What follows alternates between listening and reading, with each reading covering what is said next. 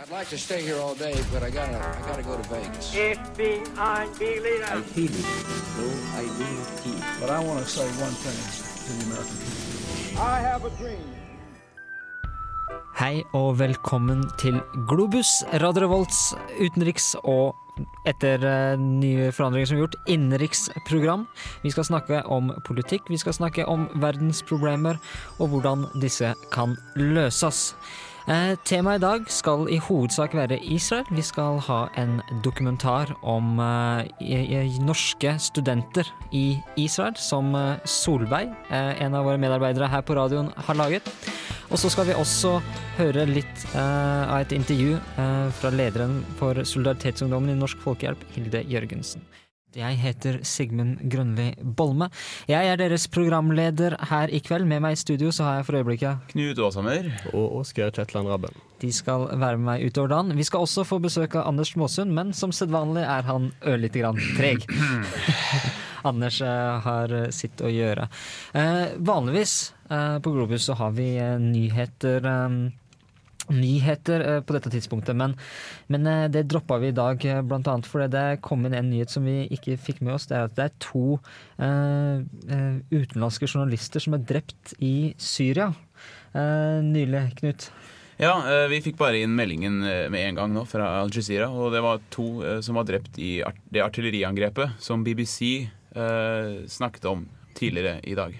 Eh, og det er ganske sjeldent at, at vestlige journalister blir drept, eh, drept i, i, i konflikter, selv om de ofte befinner seg nærmest i skuddlinjen. Det er det første gang vi hører det fra Syria nå i denne omgang, iallfall. Ja. Mm. Og dette var jo da eh, skudd avfyrt av eh, regjeringsstyrker. Så hvordan eh, eventuelle reaksjoner på dette blir, blir jo interessant å se. Det som må også sies, er at eh, i Homs, som det her skjedde, eh, har det vært en rekke artilleriangrep fra regjeringens styrker. Noe som i seg selv er ganske sjokkerende. Ved at man bruker artilleri i, sivile byer uten noe mål enn å sjokke nå. Og dette har da forårsaka at to journalister har dødd. Eh, det eneste stedet jeg tror Jeg vet ikke, men i Libya så tror jeg eh, noen utenlandske, journalister også ble drept. Men eh, jeg kan ikke huske helt om det er sant eller ikke. Det, er iallfall veldig sjelden. Vanligvis så, så eh, er de relativt godt, godt beskytta. Det kan hende at det, det kommer noen reaksjoner eh, på dette seinere, men vi får se. Eh, I Jemen skal det være presidentvalg også. Ja, det var vel i går velgerne der kunne avgi sin stemme. Mm. Og de hadde hele én kandidat å velge mellom. Det er den eh, tidligere visepresidenten Hadi, Mm. som eh, i praksis har styrt eh, etter at Salet uh, Iallfall selv om Sale på papiret ennå er president, så har han i praksis ikke hatt makta siden november. Eh, For øyeblikket befinner han seg i USA og på sykehus der etter at han ble skada i, eh, i et angrep i fjor. Men eh, uansett, så denne Hadi han har kommet i denne posisjonen etter en fredsavtale forhandla fram av det såkalte Gulf Corporation Council, der Saudi-Arabia da har stått i bresjen. Og eh, en kan jo si hva en vil om at det er én kandidat. En eh, Makta blir iallfall flytta på papiret, og muligens så kan en eh, unngå en borgerkrig på denne måten her. For eh, planen er jo å holde mer rettferdige valg seinere. Det, det er nettopp det. Man, man hører at eh, selv om det kanskje ikke eh, det, altså For oss i Vesten så høres det ikke-demokratisk ut, og det høres ut som det kanskje er en, bare egentlig en, eh, en personforandring og ikke noe, noen regimeforandring. Men, men eh, i Jemen så ser det ut som folk tar dette veldig alvorlig. Ja, det ser jeg iallfall på det som et positivt tegn. Og Tawakkul Karman, som eh, jo fikk eh, Nobels fredspris, eh, hun, eh, hun sier at dette her eh, godtar vi som et steg i, eh, i, på veien mot demokrati, og at, eh, men at demonstrantene må fortsette å holde seg i gatene i, i Jemen fram til en har fått ei, en, et virkelig demokratisk presidentvalg. Ja, Sofasittere vil i hvert fall ha et stort problem her, fordi de kan egentlig ikke velge så veldig mye om hva de skal gjøre. Nei, men uh, vi, skal, vi skal prate litt mer om uh, forskjellige ting, spesielt, uh, Israel seinere. Vi har som nevnt en, en radiodokumentar som vi skal sende, som en av våre medarbeidere Solveig har lagd. Vi skal også få høre iallfall første delen av et intervju som du, Knut, uh, ordna med Hilde Jørgensen, som er leder i Solidaritetsungdommen i Norsk Folkehjelp. Man vet jo at Norsk Folkehjelp uh, iallfall har sterke meninger når det kommer til Palestina og Israel, selv om hun kanskje skal prate mer generelt om Norsk Folkehjelp. Da. Mm, ja, det kom også fram ganske bra. Eh, nå skal vi få høre et eh, intervju som Knut gjorde for eh, i forrige, nei, ikke for to uker siden, med Hilde Jørgensen, lederen eh, for Solidaritetsungdommen i eh, Norsk Folkehjelp. De har en eh, kampanje som eh, har starta nå, som handler om eh, solidaritet eh, mot veldedighet. Tror jeg det var. Så eh, I den anledning så kom hun hit til Globus og prata litt med Knut. I dag så har jeg med Hilde Jørgensen fra Norsk Folkehjelp, som er leder i Solidaritetsungdommen. Velkommen til studio i Radio Revolt. Eh, hva er Solidaritetsungdommen egentlig? Hva, hva er det dere gjør, og hva er deres oppgave? Um, hvem vi er, eh, kan jeg jo begynne med. Vi er alle under 30 år som er medlem i Norsk Folkehjelp, og som eh, er engasjert i samfunnspolitikk og internasjonale spørsmål og bistandspolitikk. Vi er vel ja, lag og grupper rundt omkring i hele Norge. Og på en del universiteter og høyskoler har vi grupper. Og vi jobber med, jobber med politisk påvirkningsarbeid, egentlig. Det er det, det vi har lyst til å spesialisere oss på. Innafor felt um, som bistandspolitikk, internasjonal politikk, eh, internasjonale spørsmål, asyl- og flyktningpolitikk, eh, holdningsskapende arbeid og forskjellig. Det omfatter jo egentlig veldig mye. Så det er det vi, det vi ønsker å gjøre, er å ha aktivitet innafor de områdene. Men vi skal ikke bare ha aktivitet for aktivitetens skyld. Det er fordi vi har lyst til å påvirke norsk politikk på de feltene. Eh, Så politisk påvirkningsarbeid er liksom det ultimate målet, da. Ja, ok. Så satsingsområdet er da i politikk, da politisk innflytelse?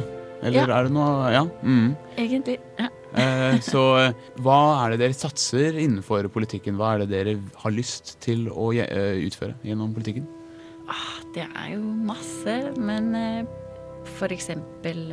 papirløse.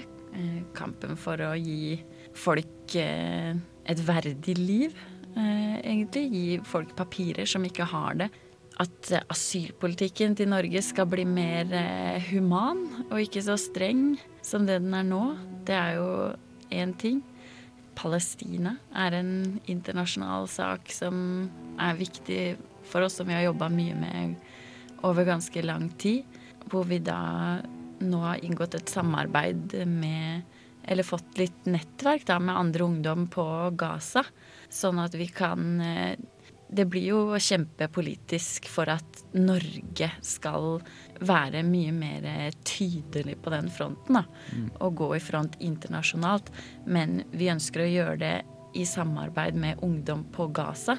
Sånn at vi kan være talerør og ikke Vi skal ikke putte ord i munnen på noen, men vi skal kjempe den kampen. Det er viktig fordi at vi kjemper. Hvorfor er du da i Trondheim eh, i dag? Jeg er her først og fremst fordi eh, Norsk Folkehjelp Nidaros, som er eh, ungdomslaget vårt her i Trondheim, de skal ha årsmøte i dag. Mm. Så det er derfor jeg er her, da, egentlig, for å være med der. Og det er ganske stort, det som skjer nå, fordi i og med at vi har blitt en ny ungdomsorganisasjon, eller ungdomsorganisering i Norsk Folkehjelp, som bare jobber med samfunnspolitikk, så er det så masse som skal organiseres, og lag må liksom tilpasse seg det, og begynne å kalle seg solidaritetsungdom, og en del sånne ting da, som skal legges til rette for. Så det er jo ganske stort, og da er det viktig at man er med rundt og er med på årsmøter og besøker ungdommen. Da snakker dere helt sikkert om rasisme. Hva Er rasisme et stort problem i Norge? Det vil jeg tørre å påstå at det er. Stort problem er kanskje et relativt eh, begrep, da, men eh, fordommer har vi jo absolutt eh, mer enn nok av i Norge. Og fordommer og rasisme er jo ganske tett knytta sammen. Så når alle har de samme fordommene, så fører det til felles handlinger. Som at man ikke gir Man selger ikke boligene sine til noen man har litt fremmedfrykt for, da. Som er litt annerledes enn seg selv. Eller man unngår folk som er annerledes. Man gir ikke jobb til eh, noen man kanskje forventer eh, Ja, vet ikke. Noen man frykter på noe vis, da. Man holder seg liksom til det kjente og kjære og det, det man syns er norskt. Mm. Og da er sikkert det her innenfor, også innenfor politikken at dere prøver å bevisstgjøre folk, da. Eh, Hva slags respons får dere av folk med det arbeidet dere gjør? Vi har ikke fått noe særlig eh, negativ respons, for så vidt. Eh, annet enn kanskje på, på Palestina, hvor det er en gjenganger at man eh, møter litt motstand blant de som mener noe annet. Men eh, generelt møter vi veldig, veldig positiv eh, respons.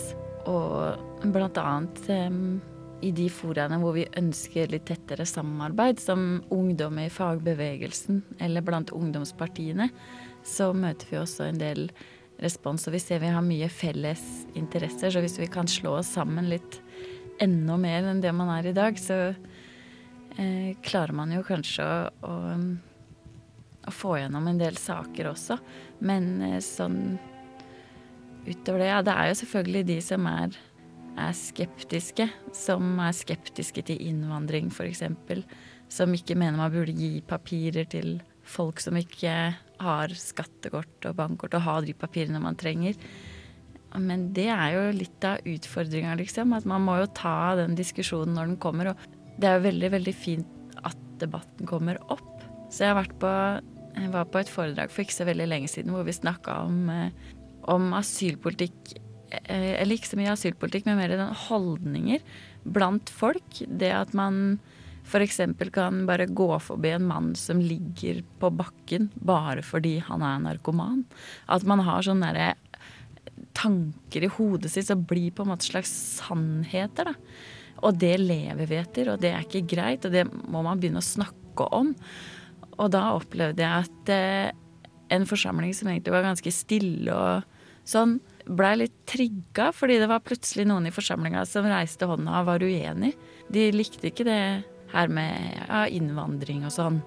Eh, og da kom den diskusjonen opp, og da begynte de andre i salen også å diskutere imot, og så kom det motargumenter mot de igjen, og så fikk man diskusjonen, og det, det er jo noe, det er holdninger som ligger der, men de synes jo aldri hvis ikke debattene kommer opp, så jo mer motstand vi møter, egentlig, jo flere skeptikere som kommer bort til oss på en stand og sier de ikke er enige, eller rekker opp hånda på sånne møter, jo bedre er det. Fordi hvis ingen gjør det, så tror jeg ikke at alle er overbevist om at eh, Eller at alle er enige med oss for det. Så det er bra at debattene kommer opp. For noen uker siden her i Trondheim så var det hengt opp en rekkevis av plakater av en gruppe som kaller seg for uh, Den norske motstandsbevegelse. Det er en, uh, en nazistisk organisasjon her i Trondheim. Hvordan syns du folk burde forholde seg til sånne meninger og sånne grupperinger og, og sånne ting? Det er jo et veldig vanskelig spørsmål, men det er jo som jeg har gjentatt eh, i det uendelige kanskje, at man må jo bare møte det med motargumenter, da. Man kan ikke la seg overkjøres. Hvis man virkelig er uenig med dem, så finner man alltid motargumentene. Og i stedet for å kanskje Det som gjør det så vanskelig å klare å møte dem med det, er jo fordi man gjerne man blir så sint. Og man tar det kanskje ikke helt seriøst, og man blir bare opprørt, og så møter man det aldri ikke. Men kanskje det å prøve å bare ja, ta argumentene deres, plukk dem fra hverandre, finn rasjonelle, ordentlige motargumenter, og så kanskje mm, begynne å se litt mer på politikk. Begynne å forstå politisk retorikk. Hva er det egentlig de vil? Hva er, det, hva er løsningene deres? Eh, hvordan skal de få bukt med det her som de kaller et problem? Og er det realistisk? Eller hvordan liksom er det andre Hvordan ville venstresida i norsk politikk løst det her? Hvis, hvis problemet deres er at innvandrerne kommer hit, og det er et problem i seg selv, så er kanskje deres løsning at, at de kan ikke komme uansett.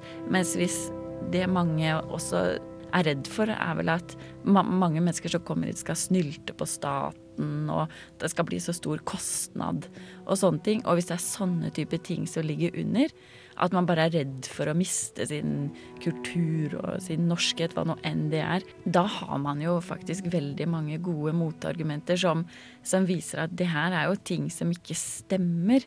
Det er jo ikke sånn Jo mer folk som er papirløse i Norge, jo mer eh, må folk jobbe svart. Så da må man kanskje forandre ting i asylpolitikken da, for å åpne opp mer.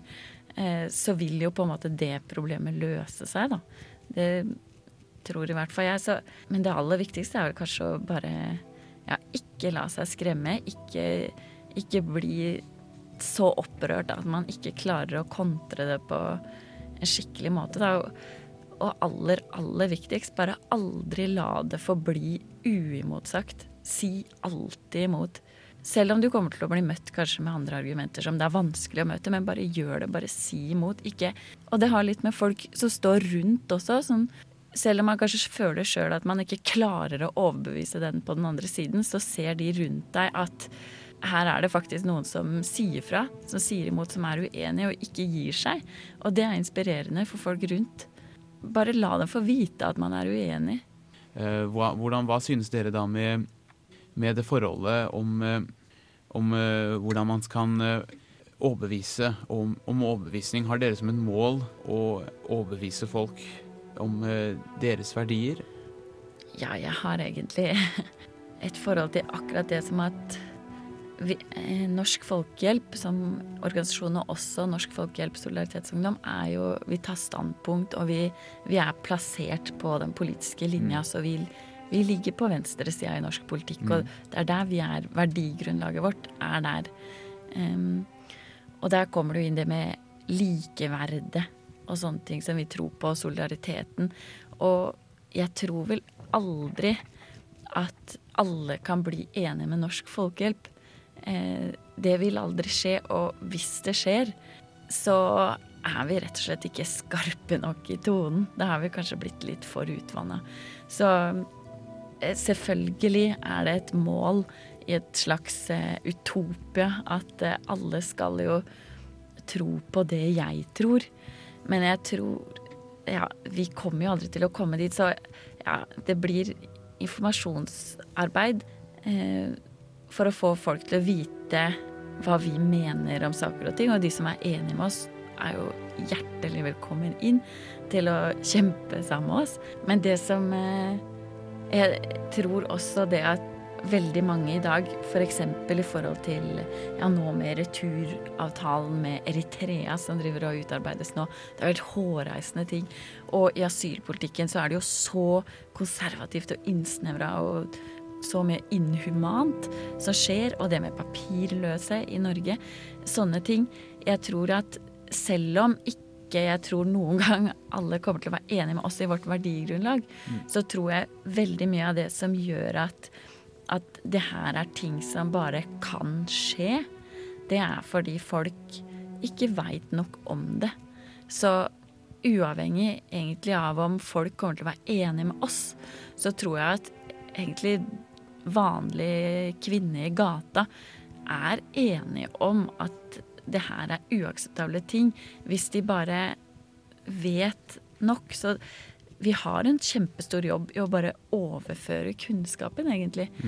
Og så behøver ikke nødvendigvis folk å være helt enige med oss i våre standpunkt og verdier, men, men i konkrete saker så tror jeg egentlig folk flest er enige, men at det går mer på at man har ikke den kunnskapen. Da.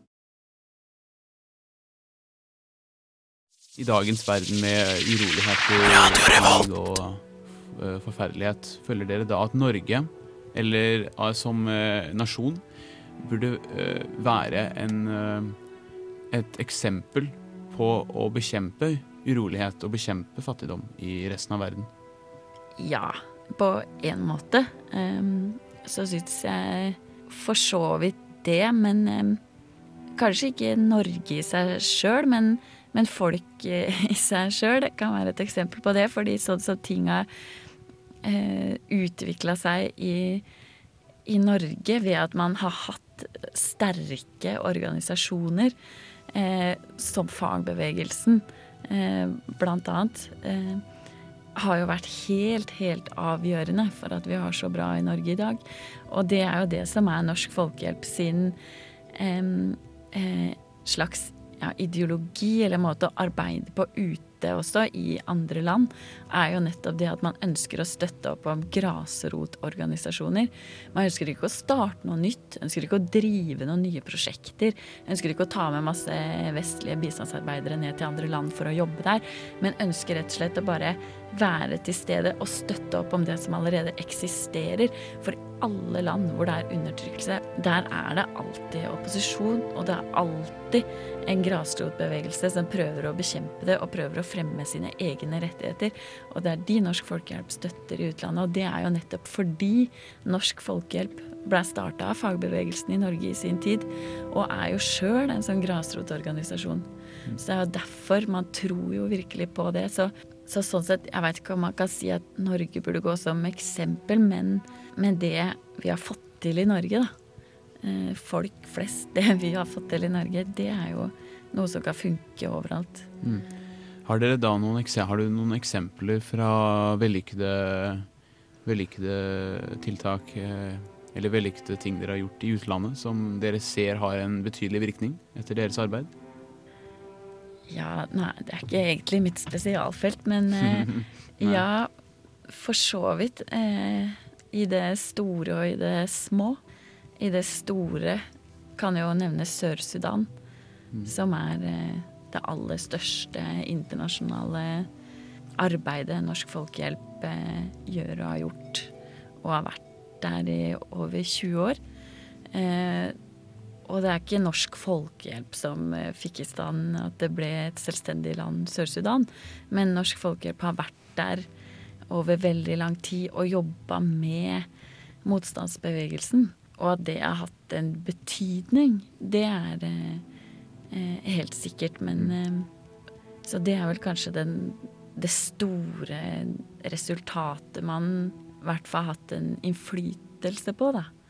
I det små så kan jo nevnes eh, Kambodsja, eksempel, hvor eh, grasrotbevegelser har kjempa for at ikke internasjonale kapitalistiske selskaper skal komme og kjøpe opp eh, landet de bor på, som bare blir solgt til dem fra myndighetene. Som ikke er noe demokratisk eh, prosess i det hele tatt. Hvor små, små organisasjoner og eh, adhoc-forsamlinger som bare reiser seg eh, fordi de ikke er enige, fordi de tar vare på hjembyen sin, fordi de ikke vil at internasjonale selskaper skal komme og bare kjøpe opp land eh, som de bor på, hvor pengene går til en stat de aldri ser noe til. Så er det jo også en del av de som De har jo vunnet saker. Noen har vunnet. Noen har havna i eksil, noen er fengsla, noen har bare måttet flytte, noen gir opp. Og noen har faktisk klart å vinne. Da. Ja, man har en del makt når man bare eh, reiser seg, rett og slett. Og det at folk tør det og gjør det, det trengs nok mer oppmerksomhet rundt det, da. Så det er litt av Norsk Folkehjelp sin jobb å øke oppmerksomheten om det her hjemme. Men sånne små seire som aldri når noen avis, de er det jo en del av. Er det noe du har lyst til å si til studentene i Trondheim som du nå har fått sagt? Selvfølgelig. Ja. De må jo være med i Mm. Norsk Folkehjelp Solidaritetsungdom. Og vi har en gruppe Nidaros her. Eh, og informasjon til den gruppa, til lederen i gruppa, kan man finne på oppslagstavle som henger på Dragvoll. Eh, det er der de også holder til, men de ønsker gjerne kontakt med andre studenter og ungdom som ikke holder til på Dragvoll også. Så der er det bare å være med. Og er man interessert i politikk, bistandspolitikk, asylpolitikk, har lyst til å bli ekspert på de områdene og jobbe med det politisk, så har jo vi mer enn nok plass til å ta imot alle som har lyst til å være med. Så eh, har vi jo andre ting, selvfølgelig. Har, vi har konferanser, fagkonferanser på de forskjellige feltene. Vi har solidaritetskonferanse. Vi skal ha vårt første årsmøte nå i april. Eh, vi lærer opp folk til å bli gode appellanter og foredragsholdere. Og man får mulighet til å få masse nye venner, og vi ønsker å knytte mer kontakt med ungdomspartiene og med fagbevegelsens ungdom. Og, og har man lyst til å være med på det, og lyst til å ja, ja, Man skal ikke brenne inne med noe engasjement, i hvert fall. Er man engasjert i de tingene her og har lyst til å være med, så håper jeg virkelig de tar kontakt. Mm. Dere har jo et sånn slogan. Hva er det det betyr? Eh, Til den kampanjen vi Ja. har nå, så er det veldedighet skaper avhengighet, solidaritet skaper selvstendighet. Mm. Og grunnen til det er fordi eh, nå heter vi jo Solidaritetsungdom, og for å ha en kampanje som viser hvorfor vi heter det, så ønsker vi å fortelle hva solidaritet er, og det er det motsatte av veldedighet. Veldedighet er å bare gi almister og reprodusere skeive maktstrukturer, mens solidaritet eh, ønsker å forandre på det. da, forandre hele systemet, rett og slett, sånn at de ikke trenger å få ta imot almisser om 100 år. da. Det var altså Hilde Jørgensen som ble intervjua av Knut, som du hørte der. Du hører på Globus, eh, Radio Revolts utenriksprogram, og nå så skal vi snart eller vi skal, skal veldig snart få høre hvordan det er å være student i Israel. Det er Solveig som har eh, lagd en ørliten radiodokumentar hvor hun har fått støtte fra Medietilsynet. Og eh, vært i Israel og snakka med studenter som, som bor og, og studerer i, i det landet. Og deres møte med, den israelske staten og med Palestina-konflikten. Jeg blir veldig fascinert over at de er på en måte så De lever liksom sammen. Har du vært her? Jeg ser for meg Eller jeg, vet- ikke, jeg ser for meg at de er liksom mer eh, bitre fiender, liksom. At de, ikke, at de kan eksistere sammen i samme by. Når jeg ser liksom folk med palestinaskjerf og sånn, så jeg tenker at det er liksom fy-fy. Men det er jo like mye deres by på en måte som jødenes.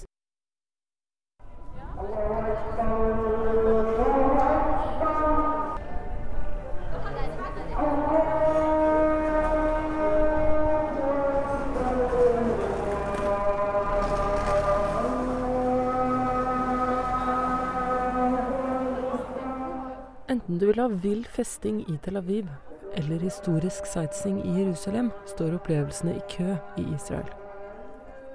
Men under den polerte turistoverflaten skjuler det seg en langvarig og spent konflikt med Palestina. Vi har alle hørt om den, og mange av oss har gjort oss opp en mening på forhånd. Men hvordan opplever en norsk student landet med egne øyne? Sammen med 20 andre studenter dro jeg på tur til Israel og Palestina. En av de jeg reiste med, var Karoline, og det er henne vi følger i denne dokumentarserien. Jeg heter Caroline Aus, og jeg er 23 år.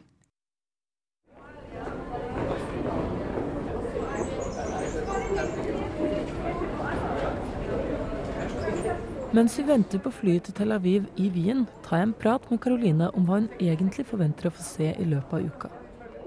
Det bildet jeg har av Israel eh, når det har skjedd forskjellig, sånn som fredskonvoien som ble angrepet, og hvordan de håndterte den saken, og hvor lukka det egentlig er. Hvordan de liksom prøver å fremstille seg sjøl, da.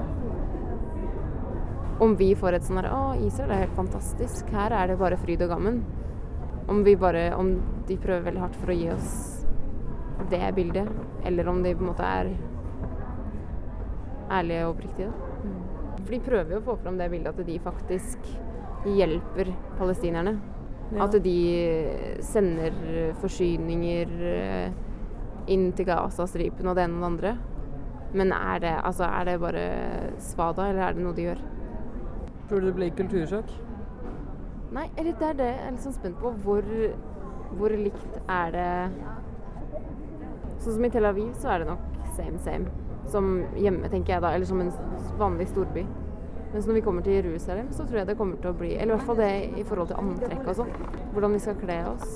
Hvordan man skal være, eller Ja, jeg, det er jeg veldig spent på, egentlig. Og hva Eller om det er så store forskjeller som jeg ser for meg. Og hva ser du for deg? Ja, nei, det er nettopp det at det er så vanskelig å si hva jeg egentlig ser for meg. Fordi i utgangspunktet så har jeg et litt sånn usivilisert bilde av Israel. Ikke, ikke Tel Aviv, men andre plasser rundt. At det er liksom Ikke, ikke sånn landsbyaktig, men at de Ikke primitivt heller, men veldig tradisjonelt. Mens, men så er jeg liksom usikker på om alle er Er alle tradisjonelle, eller er det en god miks av sekulære på og tradisjonelle? Men nå er det jo liksom anspent sånn i forhold til høytid, og nå er det påske. Og det er jo den helligste tida for israelerne. Eller jødene, da. Om det har noe, om det har noe å si i forhold til tida vi reiser på.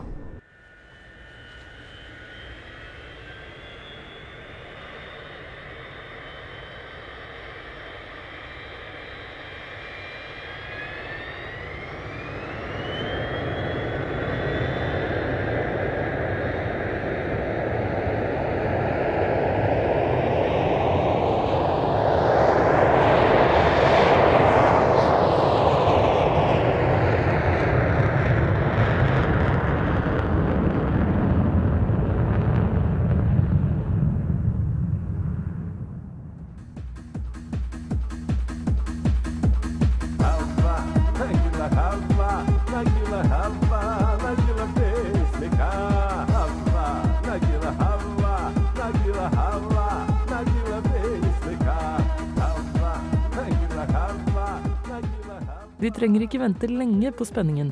En mann som ber før han skal gå om bord i flyet, vekker mistenksomhet, og all bagasjen tas ut for en ekstra sjekk. Dermed er vi drøye to timer forsinket når vi endelig drar fra Wien, og det blir en kort natt på hotellet.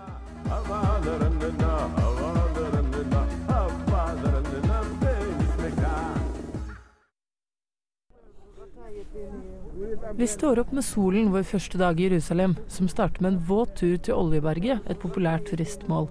Her har vi utsikt over hele den regnfylte, men utrolig vakre byen. Nå begynner det å bli litt sånn klarnere, liksom. Det er jo dødsfint, da. Ja, men jeg blir skikkelig imponert over det arkeologiske. Hvor fint det egentlig er.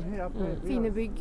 Det er litt akkurat det jeg hadde sett for meg, faktisk. Sånn, hva skal jeg si, utseendemessig.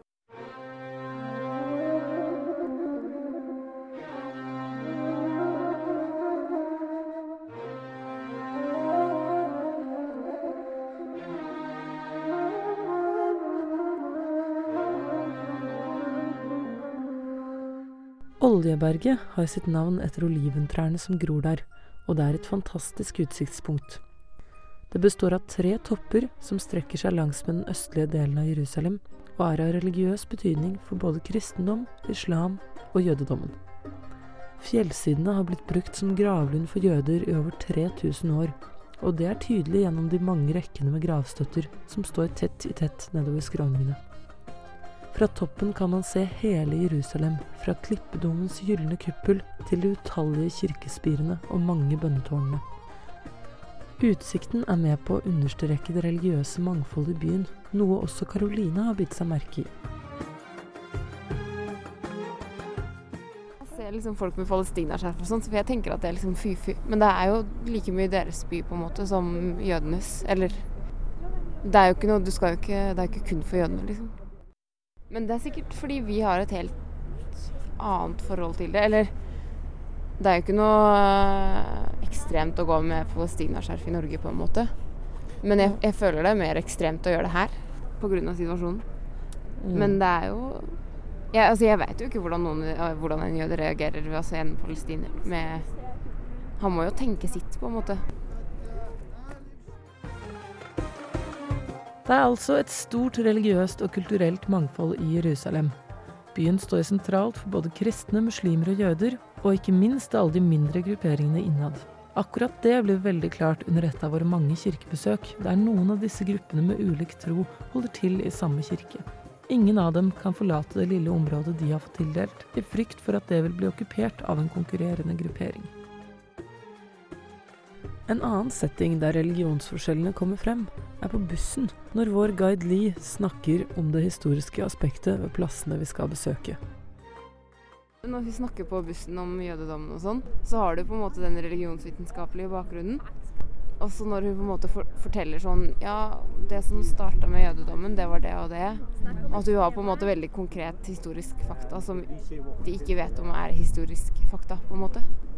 Og så tenker jeg på en måte i forhold til de, de som ikke har den bakgrunnen som vi har, da, som sitter og hører på. De tar jo det for god fisk, på en måte. Vil jo sikkert gjøre det. Jeg hadde jo gjort det. det å, fader. Hadde tenkt liksom Ja, OK, det er sånn det er. Jeg hadde ikke stilt meg så kritisk på en måte når en jøde forklarer om religionen sin, men det er jo, det er jo de Det er jo de ikke-nøytrale, holdt jeg på å si, som du skal være kritisk til. Nei, jeg er ikke kritisk, men ja. Jeg bare syns det er liksom feilinformert. De feilinformerer.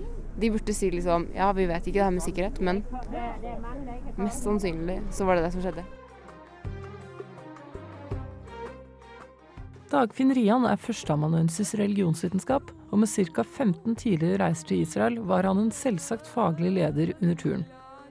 Han kunne forklare at guidene som regel håndterer religiøse turgrupper, og derfor tar det historiske med en klype salt. De aller fleste guider vil jo være sånn som henne. Og det er jo litt det at de er jo lært opp til å takle sånne grupper, hvor man da går inn på delvis inn på premissene så å si for dem når de er der. For ikke å lage spetakkel og kontroverser og sånt ut av å presentere bibelkritiske synspunkter. Så de presenterer jo veldig ofte kristne tradisjoner, også jødiske tradisjoner, som historiske. Selv om vi med et mer kritisk blikk kanskje kunne si at dette er noe som tradisjonen sier, men som ikke er historisk verifiserbart. Vår ferd gjennom Jerusalem fortsetter, og det neste på dagens program er et besøk til Vestmuren, bedre kjent som Klagemuren. Klagemuren er en rest av støttemuren til det jødiske tempelet i Jerusalem, som ble ødelagt av romerne i år 70. Utenom selve klippedomen er Klagemuren et av de helligste stedene i byen, og det arrangeres jevnlig gudstjenester. I tillegg er det en konstant tilstrømning av individuelle jøder som kommer til muren for å be. Før vi får lov til å komme helt inn, må alle gjennom en sikkerhetskontroll à la den man gjennomfører på flyplasser. Vår guide Lee forklarer litt om hvordan det fungerer inne ved muren. Ok, eh, Det er menn og kvinner separat, som det er innenfor ortodoks jødendom. Så menn til venstre, kvinner til høyre hvis man går ned til muren. Det pleier å være sånn litt tradisjon at man legger et ønske inn i muren hvis dere har lyst. Obama gjorde det når han var her for noen år siden.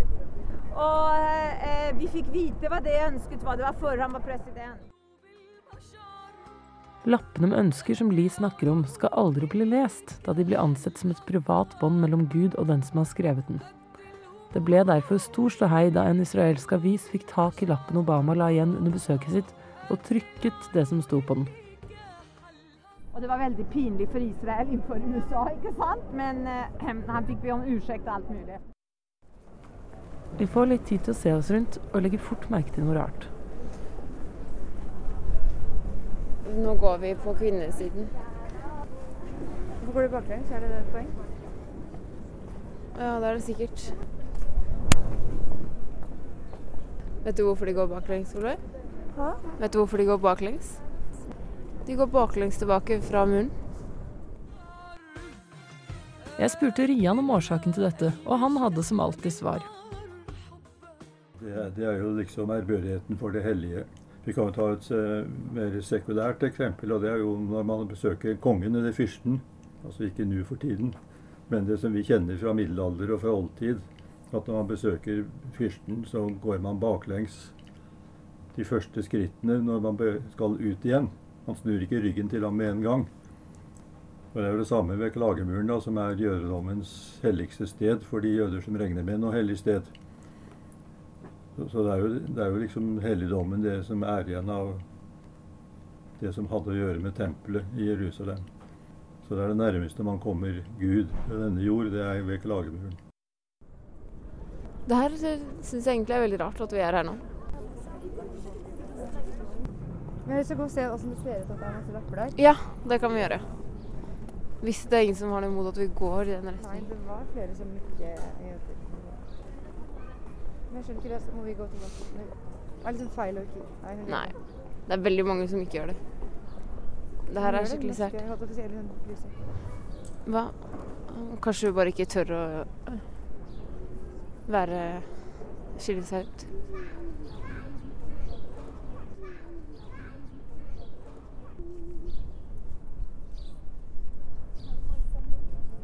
Inne ved selve muren sitter mange kvinner og ber med mumlende stemmer.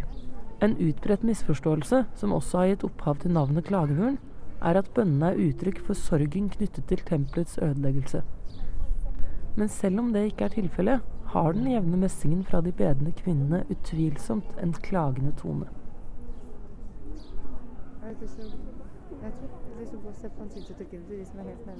Vi kan sikkert bare gå og legge litt. Det går fint. Man merker at man blir ganske var eh, når man er sånne steder. Eller sånn hva man skal gjøre, eller Ja, ja, men det er bra. Ja. Det er masse små lapper. ja. De står helt inntil veggen. Jeg lurer på de lurer skikkelig på hva de egentlig lurer på. Eller hva de spør om. Hva de ønsker seg. Ja. Så dette er helt sykt av lapper inne Det ser liksom ikke så mye ut her nå, men det er jo sykt mye. Men no, mange, ja, det ligger jo masse nede på bakken. Jeg har, føler ingen, inget behov i det hele tatt for å legge igjen en lapp med ønske. Eller det blir på en måte Men jeg, altså sånn for minnet sin del, å vite at den er der, så, så syns jeg det er litt spennende. Vil du vite hvordan reisen går videre? Jeg er ikke noe glad i å bade. I det hele tatt. Følg med i neste episode når vi får et salt møte med Dødehavet, Å, jeg syns det er kaldt! og senere krysser grensen over til palestinsk område og befinner oss i Betlehem på andre siden av muren. Der syns jeg faktisk er ganske sånn øh, Jeg vet ikke. Den muren og sånn. Det er ganske ekkelt. Love and peace, OK. Shit, da er vi på Palestina.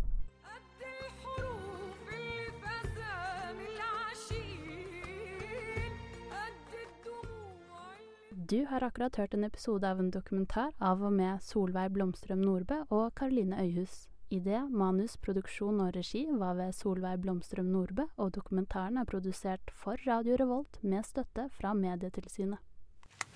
Det var altså Solveig som dere, som dere hørte der. Det var første episode av eh, hennes radiodokumentar om eh, Det var studietur til Israel, eh, tror jeg det var. Det, ikke noen som bodde der, sånn som jeg sa først. Eh, men jeg bet meg merke i én ting, og det er eh, disse guidene som altså eh, på en måte føya seg etter eh, de religiøses forventninger. Hvis dere hadde vært guide eh, i Jerusalem, hadde dere klart å fortelle, fortelle slike eventyr eh, når dere guida spesielt religiøse turister? Jeg hadde kanskje følt at det var uh, et angrep på min integritet. da. Tror kanskje at jeg ville heller valgt å, å uh, gå med en slags gruppe som var mer interessert i historien i religion. da. Og heller, hvis man skal da ta det i religiøs kontekst, at man da forteller, en, uh, altså man forteller historien. da, Og hva, de sier i Bibelen, og hvordan det var samtidig på den samtida. da. For eksempel så kan du jo si at klagemuren den er jo ja, det er fordi at kong Davids eh, tempel ble revet ned. Det er som du vet også historisk. Men at det var noe sånn religiøst med det andre enn at det faktisk var et hus som ble revet ned, det er jo tja.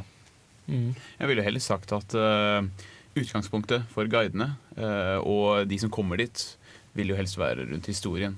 Uh, og i så fall de som er spesielt interessert i religionshistorie eller om religion, de vil jo da kanskje muligens finne andre steder eller velge noe mer spesielt for å få vite mer om det, om religion.